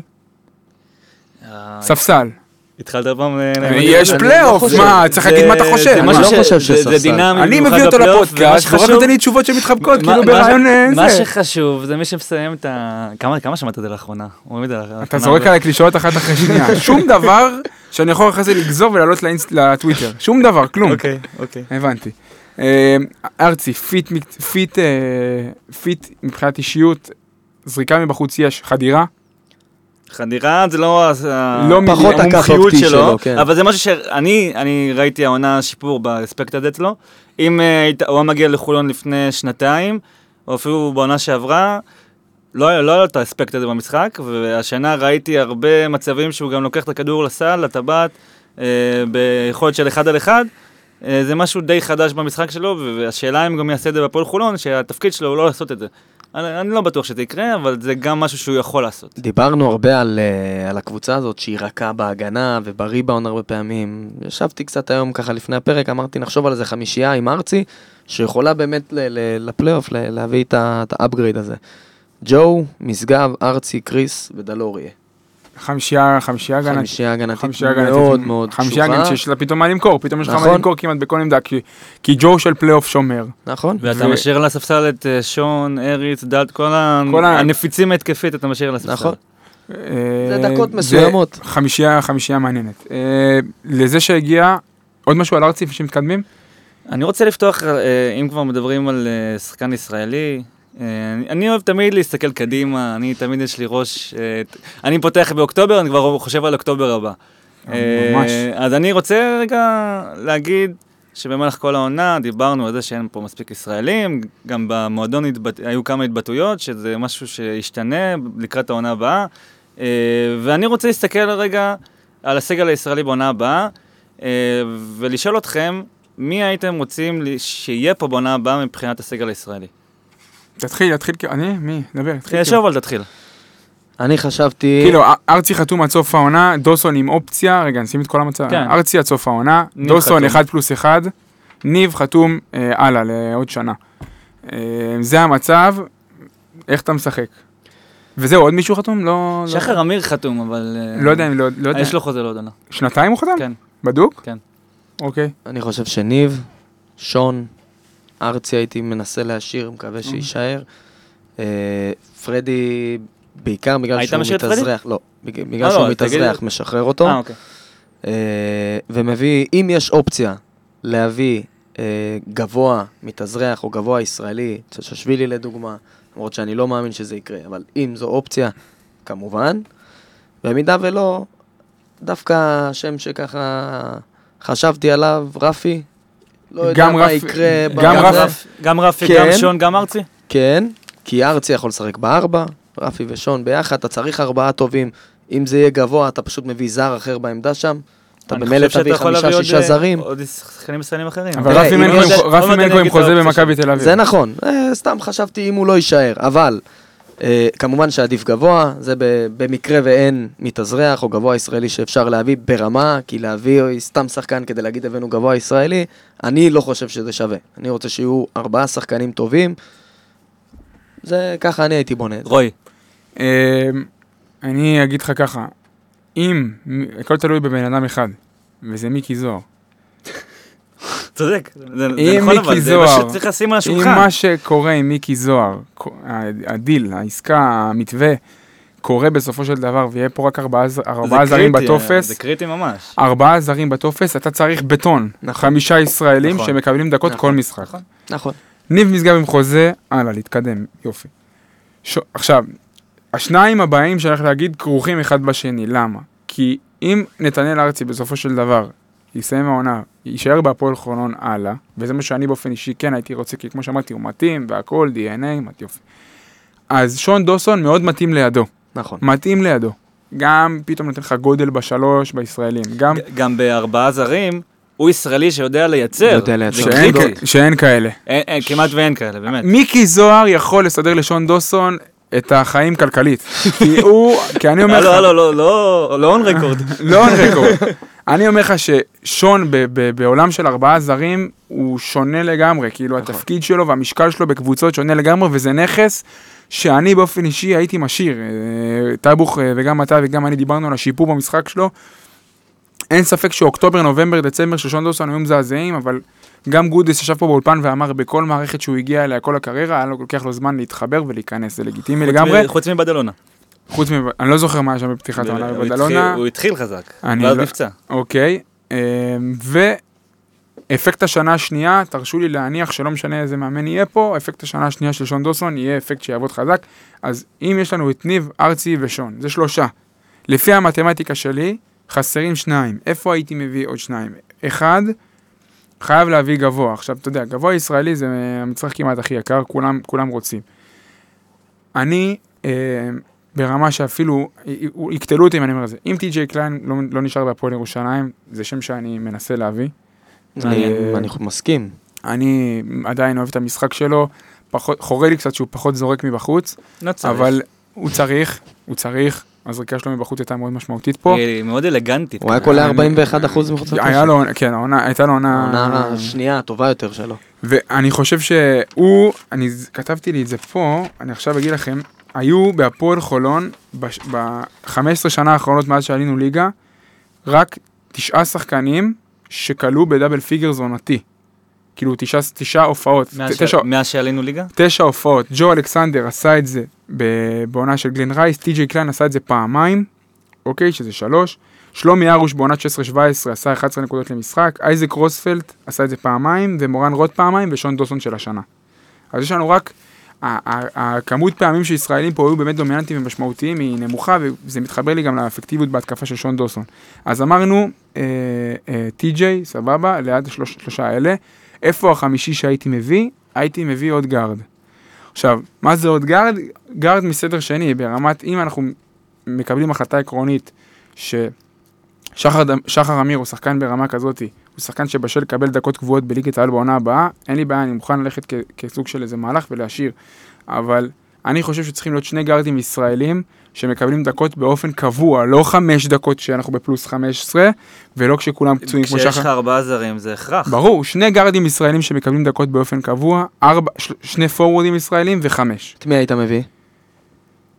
Um, עכשיו, איזה סוג של שחקן, איזה סוג של שחקן צריך להביא? אם אנחנו מביאים את, אם, אנחנו, אם יש לנו את ניב בסגל, אנחנו צריכים מישהו שהוא יותר... Uh, כאילו, אני, אני אסביר לך מה, יש לי מקום שאומר שהייתי מאוד רוצה לראות את רועי אובר חוזר לה- להפועל לא, חולון. לא ליד מ- משגב. אתה יודע מי הוא רוצה. אבל שלי. ההתאמה ליד ניב משגב, ההתאמה ליד משגב היא התאמה שהיא יותר מורכבת. לא יודע, אין, אין לי כרגע שם, אבל אני, חסר לי איזה אחד. יש לי את ניב, ארצי, שון, אה, טי.ג'יי וישראלי לעמדה 2. טוב, אני אפשט את זה לפי עמדות. אחד, ניב. שתיים, איתי מוסקוביץ'. שלוש, שון דאוסון. ארבע, נתנאל ארצי. בחמש, אני, אני קצת אה, חוסך כסף, ואתה יודע את מי אני רוצה להגיד. די כבר, די. דניאל קופרברג. די, נו באמת, זה לא אני, רציני. אני רוצה גוף בעמדה חמש, לא משנה מה, ועדיין, עדיין, אני רואה בדניאל קופרברג תקרה. אני, אני לא יודע, אבל עוד פעם. ארבעה זרים, אתה צריך, אתה, ארבעה זרים, יש לך, מי, מי יש לך ארבעה זרים? אני, אני אמרתי לך עכשיו ארבעה ישראלים בכירים. לא, לא, לא, אני מדבר עכשיו על ארבעה זרים, איך אתה מחלק את זה לפי עמדות? לא, לך עכשיו, עכשיו, נשאר? עכשיו, עכשיו אתה חורג מהדיון. לא, כי אני, כי אתה לא אני יכול מבטיח, שלך, מבטיח לך, אתה לא יכול להביא מבטיח שחקן לך, כמו, בקיץ נדבר. אבל אתה לא יכול להביא שחקן כמו דניאל קופרברג, כשיש לך סנטר אחד בסגל. אתה לא יכול. זה כבר תלוי. אז, זה אה, תלוי. מה זה תלוי? אבל יש לך, יש לך אה, גם שון, גם ארצי, בגארדים יש לך ניב ומוסקו, יש לך כאן מבחינת הישראלים אה, גיוון. אז אני מאמין שאתה, אתה, ברור שאם אתה שואל אותי את מי אני רוצה להביא עוד, אני אגיד לך גבי. אבל זה לא נשמע ריאלי, אם אתה מביא פה את מוסקו, זה כנראה חוזה ארוך טווח. ניב נכון. יש לו חוזה. ארצי כנראה, אם אה, הוא ימשיך, הוא ימשיך ליותר משנה אחת, אני לא יודע. אה, לא יודע, זהו. כ- כמובן צ'אצ'ה, אבל אני, בוא, בוא נהיה קצת ריאליים. טוב, אה, זה לגבי זה, אנקדוטה קטנה, ומזה שמגיע ולזה שיגיעו, לזה שהלך, טרבוך, עד כמה אתה אהבת את הקדנציה של מני אריס פה, בקצרה? וואו, וואו, וואי, וואי. הוא אחד השחקנים הכי רעים שהיו פה. מה, אתה מגזים. טבוך פותח. מי- ששמע את השידור נגד הפועל ירושלים, הרגשתי ששי האוזמן אומר את כל מה שנאגר אצלי בבטן כל כך הרבה זמן, או שהוא לא אומר. היו הרבה לא, הוא שהוא אמר. אני מעדיף לא לדבר על מה שאני רואה פה. כי, כי זה באמת היה, היה פיאסקו. זה היה השכונה הכי גלן רייסית שיש. מה שהוא עשה בהגנה. האישית זה פשוט חוסר רצון, מה שהוא עשה בהגנה הקבוצתית זה חוסר עונה. אה, באמת, זה היה קשה לראות, לא סתם הפסדת גם ארבעה משחקים שהיית נראה איום ונורא, כל הרוטציה ההגנתית ביחד איתו וביחד עם ג'ו גם. איך זה- כל זה פעם. שהרגיש שאתה עומד לחזור במשחקים, הוא לקח איזה זריקה, הוא עשה איזה לצ- טעות, לא, מבחינתו אתה אומר זהו, נגמר. שטף משחק זה כמו לדרוך על לא אש. זה, זה משהו אה, לא, איום ונורא, גם אמרו שהיה אה, בעיות באימונים, היה מאחר, היה עושה בלאגן. זה מוסיף עוד שמן למדורה. מזל שחתכו את זה, חבל שזה, השילוך הזה התחיל. אבל בכלל. ברמת הרעיון זה היה מהלך שהיה מתבקש, ברמת ו- הרעיון והפרופיל- בסדר, ברמת הביצוע ו- זה היה על הפנים, וצריך גם אבל- להודות בכישלונות. לא, סבבה, המהלך הזה, בסוף- המהלך הזה נכשל, נכשל בענק, אבל אני, ברמת הפרופיל, ברמת הסוג שחקן, ה- פרופיל, אה, השתיים, ה- אם זה היה ב-2020. לא, לא, לא, רגע, תן לי לסיים, אני מדבר איתך תבנית, אוקיי. אתה, סתם נכנס, אני אומר לך תבנית, אה, טוב, עצבנת אותי, אני יודע, אתה- חשבתי עליו. אתה עצבני אז אתה קוטע מהר, השתיים הגבוה, הסקורר, שלוקח זריקות ועוזר בריבאונד, זה התאמה שהיא התאמה בריאה ליד ג'ו רגלנד ברמת התבנית, תבנית ליד תבנית. האם הביאו את השחקן המתאים בתבנית הזאת? לא. אז זה אנחנו אומרים בדיעבד, כי אני מודה ואומר שאני אמרתי שצריך לרשום אותו. היה לנו סקר בטלגרם. הצבעת למני למ- אריס? כן, וואו. הצבעתי למני אני אריס. כועס עליך ועל כל אז- המאזינים שלנו, שמי שהצביע לו. אז, אני אגיד לך בדיוק, אני אגיד לך בדיוק, אנחנו העלינו טור, ובו פירטנו על שני השחקנים, סי.ג'י היה בזמנו אחרי המשחק נגד מכבי תל אביב, היה ביכולת רעה מאוד, ופירטנו על כל שחקן, על מה שהוא נותן ומה שהוא לא נותן, והעלינו סקר לערוץ הטלגרם שלנו, ושאלנו מי אמור להיות בסגל הישורת האחרונה של העונה. 52% מהמצביעים כתבו שסי.ג'י צריך להיות בחוץ ומני ארץ צריך להיות בפנים. אתה יודע, יש לי חבר- בעבודה, דש לנעמה תדרי, שאני הפסקתי לדבר איתה בגלל שהוא הצביע למני אריס. והוא מוסר לו דש. אז אני חושב ש, שהקטע הוא בעיקר בקטע האישי, כי זה, זה השליך גם על הפרקט, וברמת התכונות שלו, נכון, הוא מסיים עם 20, 20 נקודות כל משחק, באחוזים נוראים, ותוקע תוקע גם את המשחק ההגנתי. אפיזודה קצרה, יפה מאוד שזיהו במועדון את הקטע הזה ונתנו לו ללכת. ההתאמה שלו הייתה התאמה לא נכונה ברמת ה... המצב, והיו אינדיקציות לעלות על זה, כאילו המצב שהוא הגיע בקריירה אחרי שנתיים בלי כדורסל, הוא מתעסק בעיקר ביחצנות למועדוני היפ-הופ. איפה זה? בדטרויט? איפה לא זה? יודע, רועי כמעט העסיק אותו. לא- יחצן במועדונים, לא יודע מה, אחרי פציעה, לא יודע מה היה שם, היה שם כמה נורות אזהרה. אה, בסוף המהלך הזה לא- לא צלח, ואני שמח שבסופו של דבר סי.ג'יי אה, סי.ג'יי אה, כן מוצא את המקום שלו, ואנחנו רואים את זה בבית העליון. הלאה, אה, קשר מחייב, או לא מחייב, מחייב יותר, מחייב פחות. אה, אביחי יצחקי צייץ את זה בטוויטר, שאנחנו הולכים עכשיו לחודש ימים, שכולו אה, גליל עליון, לא יודע, יותר מחודש, פחות מחודש. אה, אנחנו... רק המחשבה על מוסקוביץ' עשה לי... כן, אין לי כוח אליך כבר. אה, אמרת שאין לי רגשות. המשחק, אחרי שניצחנו את נס ציונה, קבענו באופן סופי את סדרת הפלייאוף נגד אה, נס ציונה, נגד אה, גליל עליון. שנה שנייה ברציפות שאנחנו ניפגש נגד גליל עליון בסדרת רבע הגמר. אה, בואו נתכונן, תרשו לי להכניס גם את המשחק ליגה הקרוב בתוך כל הבלאגן הזה. אני לא יודע מה, מה התפקיד של משחק ליגה כזה לפני. מה עושים? אני חושב שבמבחן עם ה- הזה, המבחן הכי גדול, אה, זה את מי לרשום ברמת הגבוהים, מרווין ג'ונס או מרווין או דלוריה. רוצה להתחיל עם זה? אני לקראת חושב- הסדרה. אוקיי, אני חושב שמרווין דלוריה אמור להירשם למשחק הזה. זה המבחן האחרון, אחרי שמרווין של מרווין ג'ונס? מרווין קיבל ציון נכשל בנ- בנגד רגע, נס רגע, לא ציונה. הבנתי. רגע, אתה מדבר עכשיו עלינו. אתה. מדבר על המשחק בשישי? אני מדבר על המשחק אה, מה- שנועל את הבית מה העליון. התפקיד של המשחק הזה? לבחון בחינות אחרונות? אה, אני, ברור שיש כאן הרבה דברים שאתה צריך לבחון, אבל הדבר החשוב מכולם זה מי ישחק בעמדה חמש. ואחרי שנתת למרווין ג'ונס את הבמה נגד נס ציונה, והוא לא לקח אותה בלשון המעטה, עכשיו אני חושב שג'אווין דלוריה אמור לשחק עכשיו נגד גליל עליון, ולראות מה הוא מביא, ולפי זה להכריע. כרגע, אני חושב? שהמטוטלת, או מטולטלת, כמו שביבי אמר, אה, אה, נוטה ל- לג'אבין דלוריה. אולי אחרי המשחק נגד גליל עליון זה ישתנה, אני לא יודע. אה, אני מעריך שג'אבין דלוריה בסופו של דבר... אני. חושב שעצם המטוטלת היא בעיה. אני חושב שגיא גודס, שרפי, כל מי שצריך לקבל שם את ההחלטות, אני לא יודע מה היה הגורמים לקבלת ההחלטה. אני חושב שכבר מלפני שניים, שלושה משחקים, הרישום היה צריך להיות קבוע. אני חושב ששחקן כמו דלוריה הוא שחקן שצריך להיות רשום כל משחק, לא כי הוא עכשיו דיקם במוטומבו, עכשיו- אלא כי אתה רוצה... מרווין קיבל את ההזדמנויות שלו מינואר עד סוף מרץ, אמצע אפריל, כבר כן, שיחק. אבל בסופו של דבר אתה אומר לך, אולי השלב- פתאום הוא יביא לי את איך היכולת פתאום? הזאת. אין, אין, אין. פתאום, פתאום משהו לא- ישת- כל ישתחרר משחק אצלו. יש פתאום. אז סבבה, אני חושב שהרישום שלו נגד אני- נס ציונה היה אה, כנראה האחרון שלו, וזה היה, זאת הייתה אני ההזדמנות חושב האחרונה שלו, וגם היה צריך לתת לו שבשביל אותה. אלמנטים כמו ביטחון, כמו חיבור, כמו אה, דריכות, כמו כימיה, שחקן כמו דלוריה היה צריך להירשם באופן קבוע כבר לא מהמשחק הקודם, לפני שני משחקים. אז גודס ניסה את מרווין, והוא נותן לו קרדיט, הוא מנסה, כי אני, מבין- אני מבין את גודס. כי הפוטנציאל של מרווין ג'ונס, ברור, זה... 70 אחוז. ממנו, 60-70 אחוז מהפוטנציאל של מרווין זה יותר מ-100 אחוז של דלוריו כרגע, ברמה ההתקפית במיוחד. אה, שחקן pick and roll יותר טוב ממנו, אה, יותר אתלטי ממנו, ריבאונדר, אני לא יודע מי, לדעתי דלוריו דלוריו ריבאונדר יותר טוב, ממנו, אה, אבל ברמת התפקוד ב pick and roll עם ג'ו, ההתגלגלות פנימה, האתלטיות, דלוריה כמעט ואי אפשר להרים לו גם, לאליופים. לדעתי הוא בהגנה, לא- לא ה- מתמחה בתחום. הדבר היחיד שמרווין עדיף על דלוריה בהגנה זה החילופים. אה, זה עוד איזה נקודה שצריך לראות. אבל דבר איתי על גליל עליון, אה, רגע, סופית, רגע, בוא נסגור את הקטע הזה, מי רושמים? אני דלוריה. גם אני. כולם בפה אחד. הלאה, תתקדם. טוב, אז בואו בוא נתחיל לדבר על גליל עליון, לפני שאנחנו נפגשים איתם לרומן מתמשך. אה, אני החלטתי לחלק את זה לקטגוריות. אה, לקחת את הקבוצה, ואני אתחיל ו- ונבין לאן, לאן, לאן הרוח נושבת. אני, הקטגוריה הראשונה שלי של הקבוצה הזאתי, זה ה-floor managers, ובכוונה אני אומר managers, כי יש שם שניים, זה רועי אובר וברייס וושינגטון. אה, שניהם אה, המנהלים אה, של הקבוצה מבחינת תרגילים, הובלת כדור.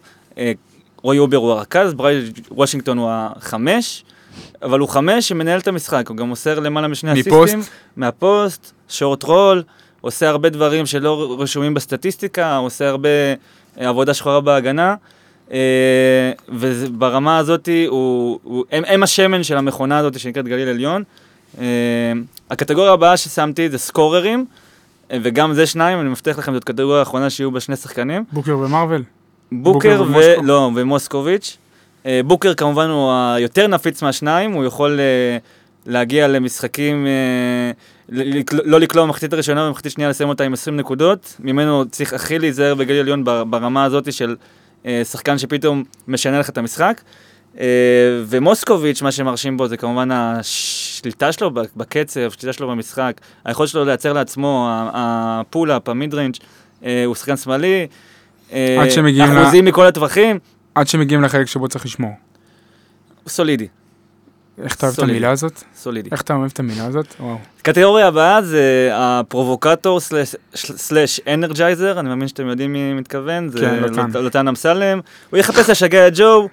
אה, יצליח הוא מדי גם פעם. סוג של ברומטר, עוד מעט אני אגיע גם לברומטר האמיתי, אבל גם הוא אה, בהפסדים 4 נקודות למשחק, בניצחונות 7 נקודות למשחק. אנחנו זוכרים את המשחק חוץ שהיה שם, שהוא שינה אותו. עם כל הדרטי שהוא עושה על המגרש, גם שאלו את ג'ורדן מקריי, אז uh, הוא יודע לשנות גם את התחושה של מה שקורה בפרקט, uh, זה ייאמר לזכותו. הדבק של הקבוצה הזאת זה, זה לנגסטון, וויין לנגסטון. אמנם הוא שחקן התקפה לא מרשים במיוחד, הוא פחות מחמש נקודות למשחק. סולידי. אפילו מתחת לסולידי ברמה ההתקפית, אבל אי אפשר להתעלם מהעובדה שמאז שהוא הגיע הקבוצה התחילה לרוץ, המאזן שלה איתו הוא 61 אחוזי הצלחה, לעומת 25 אחוזי הצלחה שהיו בלעדיו. גם uh, ברק פלג כמעט בכל רעיון מזכיר את זה, אז כנראה יש כאן uh, משהו שמעבר, אז הוא באמת הדבק של הקבוצה. אם אני מחפש את הרוצח השקט, או האקס פקטור שיכול להיות בקבוצה הזאת, זה דווין מרבל, שהצטרף באמצע העונה גם. מכירים אותו מלגיה אנחנו ורשה. זוכרים אותו בלגיה ורשה, שחקן מאוד אלגנטי, שלאט לאט עושה גם קפיצה במספרים. הוא, הוא לא, לא כפה את עצמו על הקבוצה, כי הוא הגיע בדיוק בשיא שלה, שהיו לה כמה ניצחונות רצופים, אה, וכנראה זה גם היה הצעד הנכון מבחינתו. במשחקים האחרונים הוא כבר הגיע ל double figures, וצריך להיזהר ממנו. אה, והקטגוריה האחרונה ששמתי כאן זה הברומטר, שזה נמרוד לוי.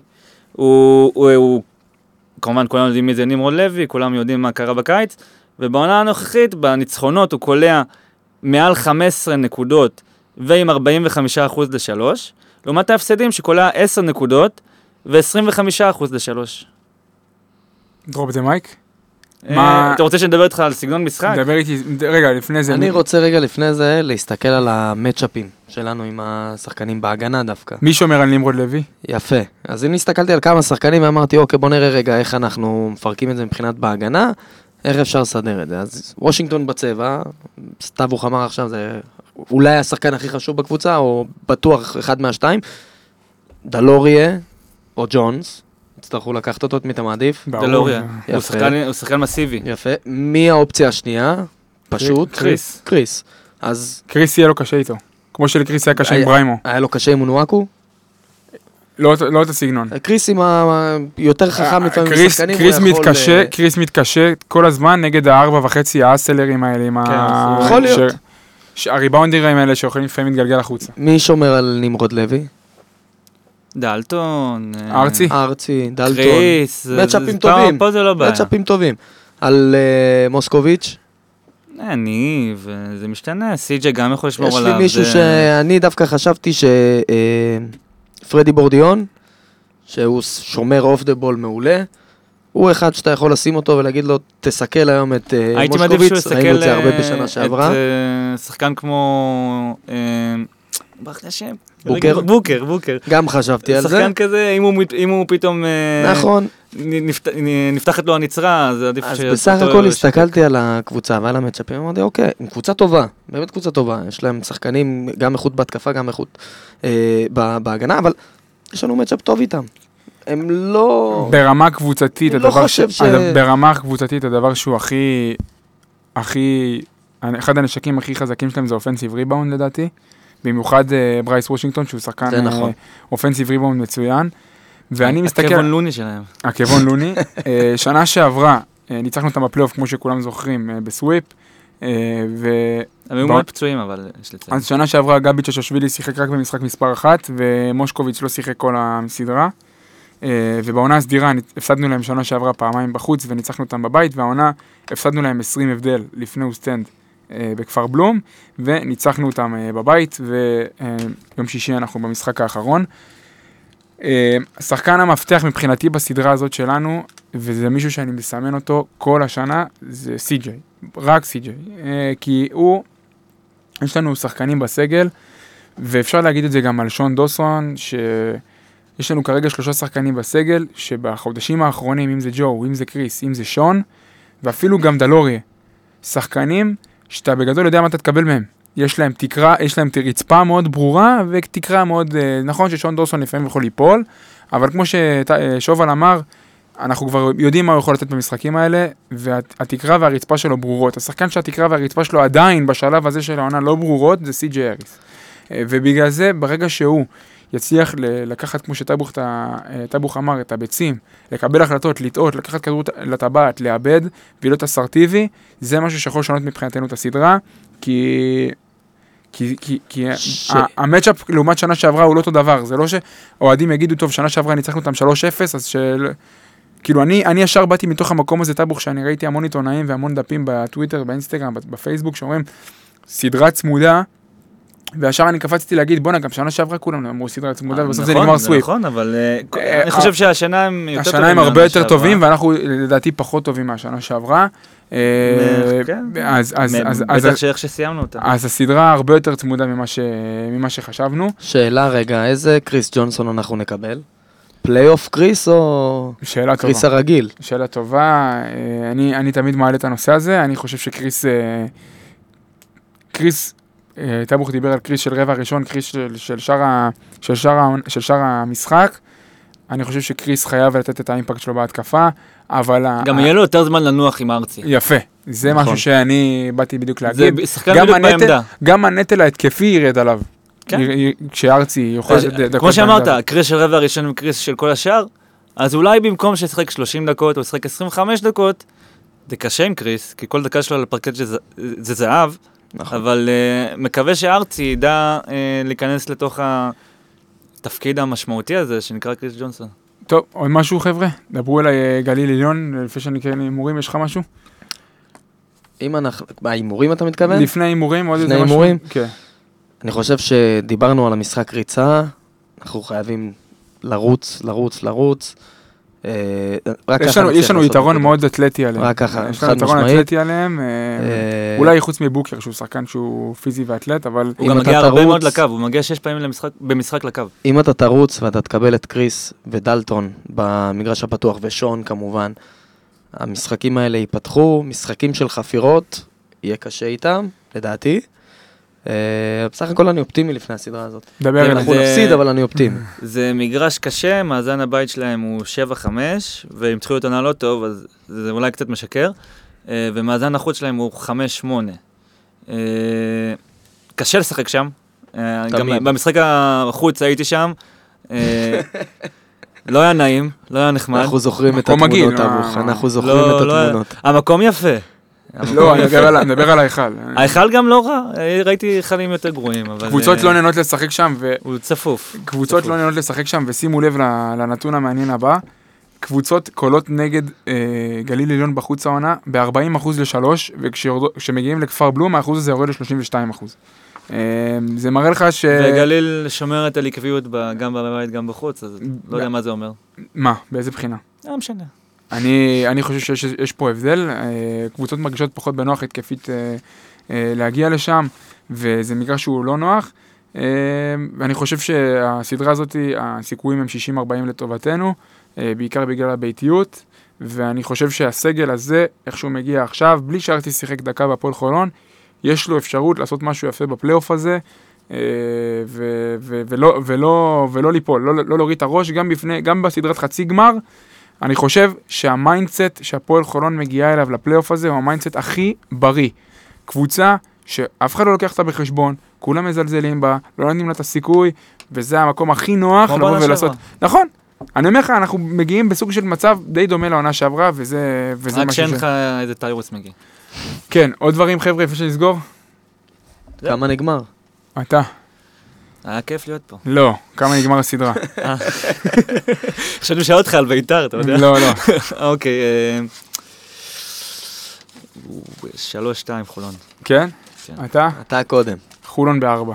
בארבע, אנחנו כמובן מפסידים 3-1. אה, תורת תנ"ך. אה, שיהיה בסדר. הוא רגע היה אופטימי, רק כן. מזכיר לך. לא, כן. בסדר, אופטימי זה משהו אחד, מפסידים 3-1 זה משהו אחר.